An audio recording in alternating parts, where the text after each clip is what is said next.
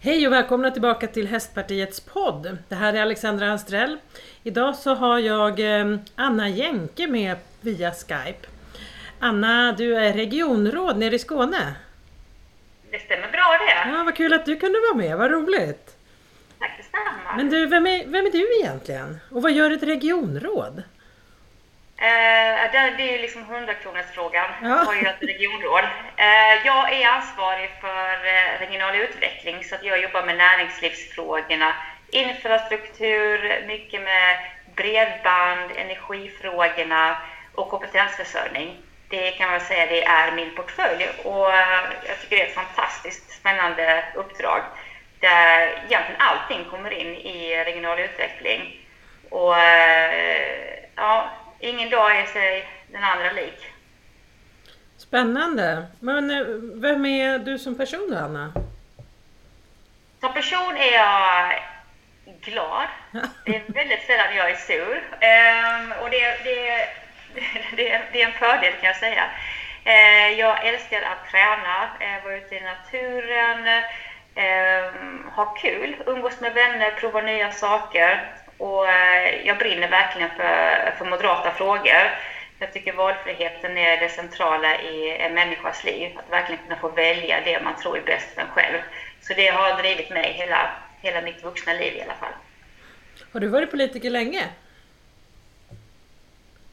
Ja, alltså jag har ju varit engagerad sedan 2005, men sen det är klart, jag har ju... Jag, ja, ja, alltså det, tiden går ju, så att sen eh, 2010 har jag varit heltidspolitiker. Så ja, jag tycker väl att det är ganska länge. Mm. Men är det så att du gillar att prova nya saker? Du har precis eh, börjat prova en ny sak. Du har, du har köpt en häst. Ja, precis. Det är fantastiskt. Ja. Jag jag har, eh, ja, men, eh, min dotter har ridit i flera år och jag har ju varit eh, Linas mamma. Alltså de har inte ens vetat vad jag heter. Och sen så har man ju spenderat eh, många timmar i stallet, eh, både när hon gick på ridskola och nu fick ha en egen ponny också. Och till slut var jag såhär bara, nej, alltså jag vill inte bara mocka och eh, ta ut vatten i hagen och eh, bära fram bommar när hon ska träna. Och, ja, men ni vet hela det köret. Gå upp på morgonen och ge morgonfodring och så vidare. Så, nej, jag vill också rida. Så eh, vi gjorde slag i saken och eh, det är det bästa jag har gjort hittills. Alltså jag förstår inte varför jag inte började rida tidigare. Jag skulle vända, jag skulle liksom vänta ända tills jag blev så här ja, medelålders. Ja. Ehm, så det, men det är jättehäftigt. Det är en sån frihetskänsla. Men vad är det för häst du har köpt då? En svensk halvblod. Mm. En, en dam som har skinn på näsan, en äldre. Eh, jätteduktig är hon. Hon kan väldigt mycket så hon tar hand om mig. Det, är- det är en sak som är säker. Eh, och det som jag har lärt mig just nu är att alla hästar har ju olika personligheter. Är ju, de är ju verkligen eh, de är, väl, de är väldigt så... eh, Vissa är ju sociala och vissa är ju mindre sociala. Och det märks tydligen vilket humör de är på också. Så eh, ja, det, det trodde jag aldrig att de skulle vara så individuella. Mm. Spännande. Men då är du mamma till... Du är ponnymamma. Mm. Och hur länge har din dotter ridit? Nu ska vi se här. Hon har väl ridit i sex sju år nu. Eh, och sen har vi ju haft allt ifrån ridskolan, sen blev det foderhästar och till slut så blev det egen häst och så har det byggts på. Ehm, ja, och nu är det både jag och hon som hänger i stallet. Mm. Och det är ju fantastiskt, det är bra för oss. Eh, Man får ju väldigt mycket tid tillsammans. Eh, ja, det ösregnar och man ska ut och mocka och sånt så gäller det att hålla ihop också så att jobbet blir gjort. Och det är, det är en jättebra teambuilding för oss. Mm. Det här med, många pratar ju om hur stallet fostrar väldigt många unga ledare. Är det något som du har märkt av när du kommer liksom utifrån och inte har varit hästtjej från början?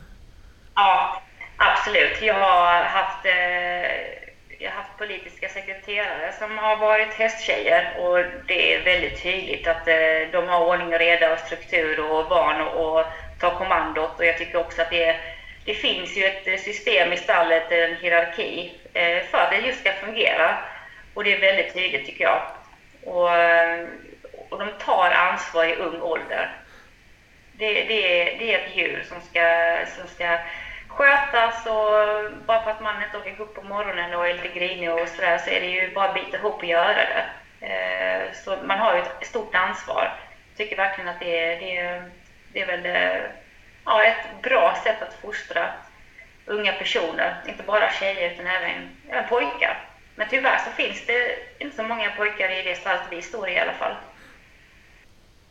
Nej, man undrar lite vart pojkarna är någonstans för att eh, helt plötsligt så dyker de upp och tävlar i OS. Ja, precis. Det var precis det jag sa förra året. Jag bara, var är alla killar någonstans? Går de inte på ridskola eller... Och de här tävlingarna som vi, eh, som min dotter rider runt på nu, där är det ju väldigt sällan killar med. Ibland är det någon enstaka och de känner man ju till nu i stort sett. Så att det, det är jättemärkligt. Man funderar ju på var de gömmer sig och sen helt plötsligt är de vuxna och, och vinner massa kupper. Ja. Mm. Ja, det är intressant. Men du, regionråd ansvarar bland annat för näringsliv. Då undrar jag, hur viktig är hästnäringen för er i Skåne? Ja, men i Skåne är ju hästnäringen eh, jättestor. Jag skulle vilja säga att det, alla kopplar ihop Skåne med hästar i olika former. Eh, vi är ju inte bara en hästnäring, vi har ju också eh, lantbruk som ett av våra fokusområden och de går ju nästan hand i hand. Eh, Alltifrån eh, till fodring och hagar och gödsel och så vidare. Så att eh, den är väldigt, den är väldigt eh, stark i Skåne, hästnäringen. Och det är många unga personer som rider. Hur många är det som rider i Skåne?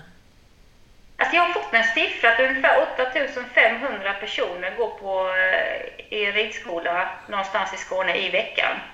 Så det är ju en extremt stor verksamhet och då kan man ju ändå tänka sig att det är ju, det är ju inte alla kommuner som har ridskolor heller. Det är ju 33 kommuner.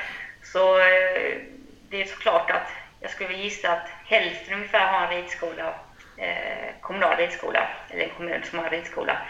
Så, och ändå utöver det så är det 6 000 som står i kö för att komma in på ridskolorna. Och jag vet ju själv när jag skulle få in Lina, det var ju huggsexa. Eh, att få in henne på någon form av eh, kurs och då gick de ju i stort sett på led runt, runt, runt för det var ju så fullt. Mm. Eh, så ja, det, det är en stor verksamhet här nere. Gör ni någonting i regionen för att främja hästnäringen? Nej, det gör vi inte. Om jag kopplar ihop det med lantbrukssektorn så får man ju se att vi gör det på det sättet. För det är ju ett av de skånska fokusområdena eh, att se till att de skånska lantbrukarna kan bära sig. Eh, och speciellt nu när vi, när vi har frågor kring både eh, de höga elpriserna, dieselpriserna, bensin och att, eh, all, att foder börjar bli så dyrt. Så det är klart att det är viktigt för oss. Och där, där räknar jag faktiskt in hästnäringen också. Det där är ju en jättestor fråga nu som Svenska Ridsportförbundet har börjat lyfta och egentligen alla. Jag har ställt frågor kring det här i riksdagen och så vidare. Hur, alltså, finns det någon form av stöd som man kan nu ge till ridsporten? Eller hur ska man tänka kring framtiden? För att om, som du säger, både el och diesel och kommer göra att foderpriserna stiger ganska drastiskt tror jag. Mm. Hur ska då ridskolor klara sig?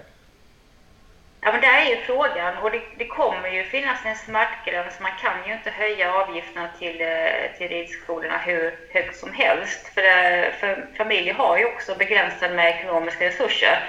Och det är ju inte bara så att, eh, att det är företag, näringsliv, hästnäring och lantbruksnäring som drabbas. Det är ju även gemene man som drabbas av bensin och dieselpriserna dyrare matvanor och så. Vad ska man då välja bort? Ja, då kanske det blir eh, fritidsaktiviteterna för barnen.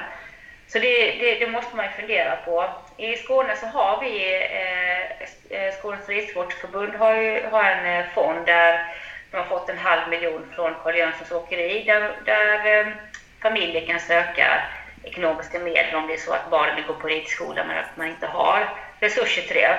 Så det är en jättefin sak, men det, med tanke på att det är 6 000 i kö till ridskolorna så räcker ju inte det långt om det är så att eh, en tredjedel av dem, av dem är visar sig vara resurssvaga. Så det, det är ju ett sätt. Jag hoppas också att man, man kan få flera för, företag eller näringslivet faktiskt få upp ögonen för vad just eh, ridsporten kan göra för unga på sikt. Eh, jag vet att många lyfter det flera gånger, men det är ju en fantastisk sak att fostra just unga ledare, precis som du nämnde tidigare. Och framförallt så har vi ju en stor efterfrågan på kvinnliga ledare. Och då, eh, jag vet till och med att det finns personer som säger, för jag har bara reda på att den eh, tjejen har varit eh, är en hästtjej, då anställer jag henne direkt. Så det finns ju extremt stora möjligheter också för näringslivet att kunna rekrytera bra ledare. Och då hade det ju varit intressant om man ville vara med och stötta från början. Så det är ju ett exempel. Sen så tänker jag ju också det, vi pratade lite om det Alexandra tidigare här, om, om kommunernas lokala aktivitetsstöd. Eh, det är ju bara om man bor, om man till exempel går på en ridskola i Helsingborg som jag själv bor i, då kan den ridskolan få det kommunala aktivitetsstödet om min dotter går på då Helsingborgs ridskola. Men om det är en eh, flicka från Åstorp som går istället eh, i Helsingborg, då får inte den här, då får inte klubben de pengarna, alltså de aktivitetsstöden. Och det blir ju lite märkligt för om man, om man är för tre kommuner då kan man inte förvänta sig att alla ska ha en ridskola eller en ishockeyrink eller en eh, bowlinghall eller vad som helst. Så jag tycker ändå att man måste nog se över de här eh, kommunala eh, aktivitetsstöden eller överhuvudtaget se över alla bidragssystem. För de är väldigt inrutade och oftast väldigt oflexibla. Jag, vill bara, jag brukar bara säga det, det är ingen som bryr sig om om man, eh, var kommungränsen går någonstans. Det är bara vi politiker. Ja, men lite så. Jag mm. menar, kommunpolitikerna har ju sin gräns och jag som regionpolitiker har ju min gräns och du som riksdagsledamot har ju Sverige som gräns. Eh, men jag bryr mig inte om det när jag är, när jag är Anna. Jag reser ju gärna. Eh, om jag åker till Halmstad där mina föräldrar bor så tänker inte jag på herregud, nu är jag en helt ny region och en ny kommun. Eh, jag vill att allting ska funka precis som det gör när jag är hemma i Helsingborg. Men hur ska man komma till bukt med det här då? Då måste man kanske sätta sig ner med alla 33 kommuner? Ja, ett sätt skulle kunna vara det. Och sen så Sen är jag inte helt säker på hur det här regleras, men en sån grej skulle faktiskt kunna eh, SKR titta på, alltså Sveriges regioner och eh, kommuner, eller kommuner och regioner. Eh, de flesta kommunerna och regioner betalar in en medlemsavgift till organisationen och då tycker jag också man kan ställa krav på vad en organisation ska titta på. Mm. Eh, så det är ju en, en väldigt konkret sak och de har ju också resurser för det och möjlighet att kontakta andra delar utav Sverige. Eh, jag har ju väldigt svårt att se att det här är något unikt för just Skåne. Eh, så att eh, jag, jag tror att man måste liksom fundera på vad är, vad är det för hinder och var kan vi samlas till de här frågorna. Och då är Sveriges kommuner och regioner ett konkret förslag. Sen har vi ju det som vi kallar, de skånska kommunerna har ju också en sammanslutning. Men då får man ju tänka på också att ja, så kommer man lyfta in frågor som handlar om skolan, socialtjänst och då blir det ju svårt att sätta kanske hästnäringen eller ridskoleverksamhet högt på dagordningen. Eh, så jag tror att man måste, inte bunta ihop det, men man får nog eh, fundera på vilka fysiska aktiviteter är det verkligen som man kan sätta ihop och sen säga att vi måste ha ett system som stöttar de här. Eh, och där tror jag hästnäringen är en viktig del. Jag tror du inte egentligen att det skulle gynna alla idrotter så att man skulle kunna dra jo. alla idrotter över en kam? Absolut. Jag, jag tror absolut att det skulle gynna alla idrotter och just det här också att det skulle gynna idrotter där flickor är aktiva. Um, alltså ofta när, nu raljerar jag lite, men ofta när man ska bygga spontanidrott så bygger man, alltså fixar man en gräsplan eller en fotbollsplan och så. Det är ju inte så många tjejer man ser på de här fotbollsplanerna. Eh, och sen så gör man extra insatser för att få unga flickor att röra på sig mera. Då kanske man har yoga eller dans och så. Men, men på något sätt så känner jag att ja, men, vi måste ju våga vidga våra vyer lite för att det där är ju vi har nog lagt väldigt mycket skattemedel på saker som inte har fungerat. Hur ska man komma till rätta med det då? Ja, men det handlar ju om att prata om det. Mm. Det handlar ju till exempel eh, vi, eller vi säger jag, mm. den, det här hästpartiet mm. är ju en, en kraft som man tydligen kan driva sådana här frågor i. Eh, man kan skapa ett uppror. Eh, jag är säker på att Hästpartiet har medlemmar i många svenska kommuner. Låt oss samlas och, och sätta upp en lista, en punktlista på fem saker. Det här tycker Hästpartiet är viktigt. En av de sakerna hade jag tyckt varit det här med kommunernas lokala aktivitetsstöd, om vi kallar det det. Det låter jätteosexigt, jag vet, men eh, det, det, är en sak som faktiskt eh, tror jag skulle hjälpa just eh, i det här fallet ridskolorna, men det kan vara andra aktiviteter också. Vad är det mer för punkter vi vill ha med som är viktiga just för att främja hästnäringen? En annan punkt skulle ju faktiskt kunna vara där, hur ska vi kunna möta Eh, höstens eh, ner, vi tror ju att det kommer bli en lågkonjunktur där allting blir dyrare. Hur ska vi kunna möta det? Hur ska, vad finns det för system vi ska kunna bemanna upp med? Alltså redan nu börjar jag prata om frågan som inte står där alltid fem i tolv, ojsan. Nu måste de här stänga, nu måste de här stänga för de har inte råd att köpa mer foder och vad ska hästarna bli av och så vidare. Folk har inte råd att, att betala medlemsavgiften eller kursavgiften och så vidare. Um, så det hade jag tyckt var en väldigt konkret sak om man, man kunde samlas och kan man göra via Skype eller Teams hur som helst och säga ja men okej, vi är överens om de här fem punkterna är viktiga för hästnäringen i Sverige. Låt oss eh, se om vi kan få igenom de här på, på eh, olika sätt. Någon form av hästriksdag? Ja, precis. Mm. Ja. Eh, det är extremt många människor som jobbar i hästnäringen på olika sätt och då pratar jag inte bara om människor som, eh, som rider eller har häst utan det är så mycket runt omkring.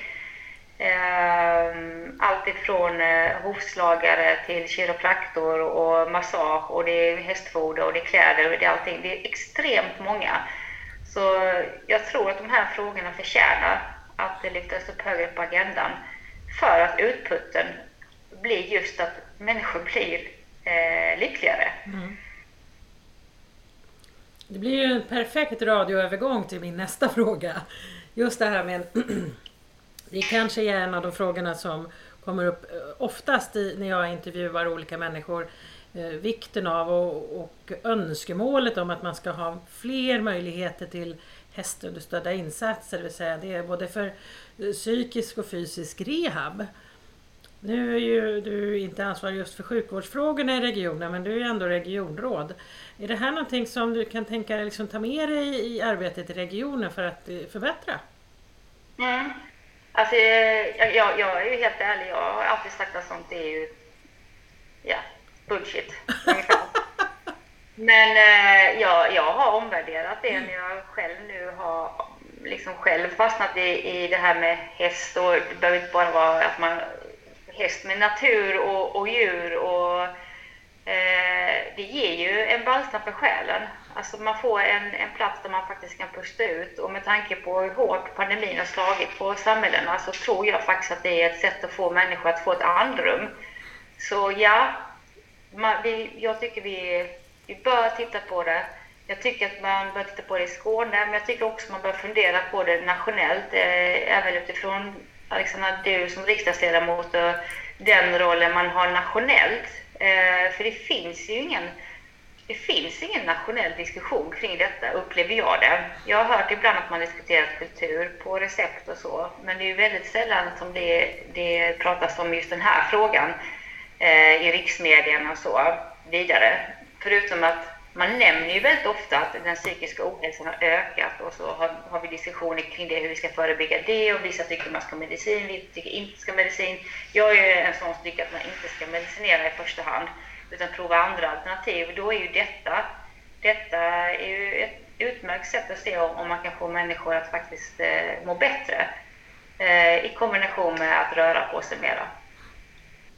Det är ändå härligt att höra att du är så väldigt öppen med att du tyckte det här var inte så mycket att ha tidigare och att du omvärderat det. Jag, tänker, jag tror att det är väl kanske ett av de stora problemen att det inte ett har funnits någon nationell diskussion men Två, heller inte så mycket forskning kring att det här faktiskt ger bra resultat. Nu kommer det ju forskning från flera olika håll som visar på hur bra det är. Jag har ju bland annat intervjuat en professor i, i Halmstad som har forskat på eh, en grupp schizofrena om jag minns rätt. där de inte ens red utan de gick med häst bara för att få vara med hästen och såg hur mycket bättre de här människorna börjar må. Det var en Mm. kvalitativ eh, studie. Men är det liksom för att det finns för lite forskning tror du eller varför har det här inte varit högre upp på agendan? Eller har man liksom inte tyckt att det har varit tillräckligt eh, bra eller ja? Alltså nu, nu kommer jag vara totalt eh, ärlig. Mm. Alltså, jag tror att det inte har varit tillräckligt inne.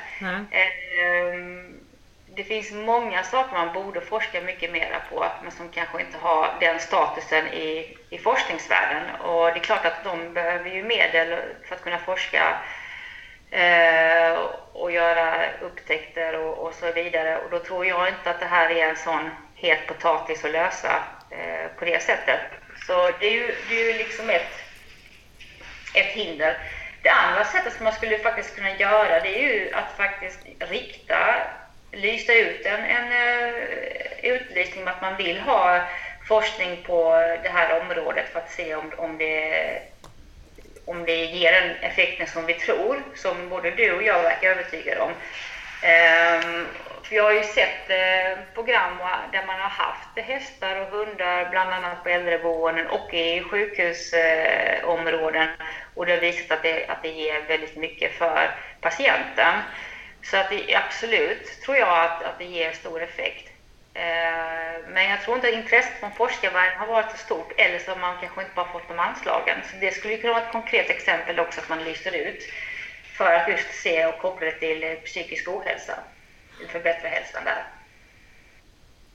Verkligen. Ja, jag tror vi har mycket kvar att göra men eh, vi kommer ju fram till väldigt många bra förslag här idag hur vi kan jobba vidare med just hästnäringsfrågorna och just bli konkreta. För det är väl det som också har varit tidigare. Man kanske har varit lite för, eh, för luftig, lite för fluffig i många delar. Precis.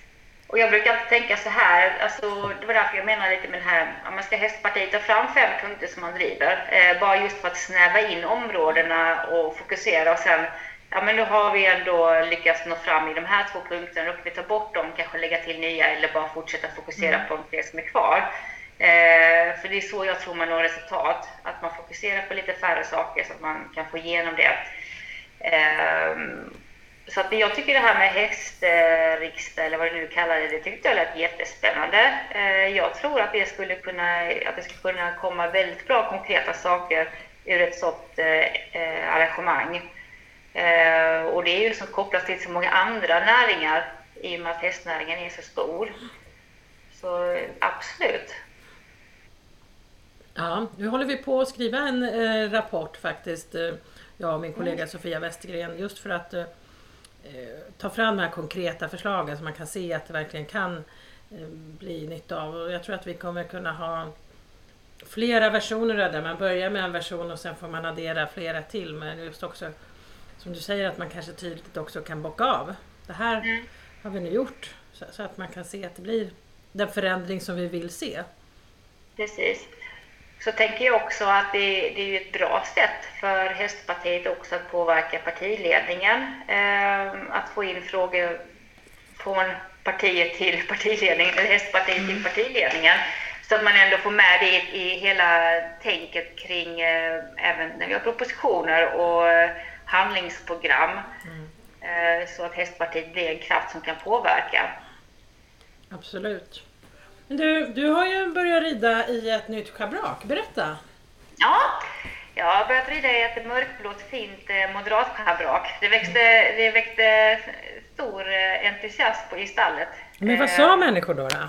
Eller de vet att du är politiker förstås? Ja, de vet ju att jag är politiker och moderat, men det var ingen som inte tyckte det var fint och det är även folk som har lånat det, så att, jag tror inte att de skäms för det. Nej. Jag tyckte det var fantastiskt bra och jag har gärna andra, andra eh, grejer med moderatemblemet på.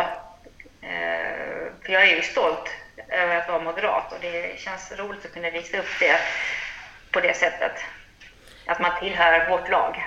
Ja men precis, där tror jag att man i, jag tänker på valkampanj i USA till exempel, där är man mer duktig på att eh, också visa, även om man själv inte är politiker, att man, men jag röstar på den eller jag röstar på den. Det är vi ju inte så vana vid i Sverige, det är kanske lite amerikaniserat. Men det är lite kul. Precis. Och det är därför jag föreslår att vi kollar upp det här med ländtäcke. För det, Ja. det är en perfekt sak att ha. Det har man alltid på framridning och man har den liksom efteråt, eh, man har hoppat klart och man på lite täcke så ser man moderatemblemet där. Mm. Så det, det är inte helt fel. Nej, vi får kolla vidare på det. Ja. Jaha, men hur, du, hur ser dagen ut för dig nu? Är det stallet som gäller? Ja, det blir stallet ikväll och ja, det väl det varje dag. Men eh, just nu är det faktiskt eh, strålande sol här ute och då är det jättehärligt att vara, vara på plats. Så det gäller att passa på innan aprilvädret sätter igång igen. Mm. Jag sänder ju det här programmet ifrån Jämtland. Här är det storm ute och eh, snöblandat. Lite sådär kul faktiskt. Ja, det låter faktiskt bättre att vara här i Skåne. Du är välkommen ner. Ja, jag får komma ner vid ett annat tillfälle. Det finns ju mycket som sagt inom hästnäringen att besöka. Så jag tror vi får göra en liten roadtrip. Ja, men ni är varmt välkomna och Mm. vi moderater kommer ju finnas på plats också nere i Falsterbo tänkte vi. Så att, Mm. eh, och det är ett stort eh, arrangemang och värt väl synas på. Så ni är varmt välkomna ner också. Mm, det tackar vi för.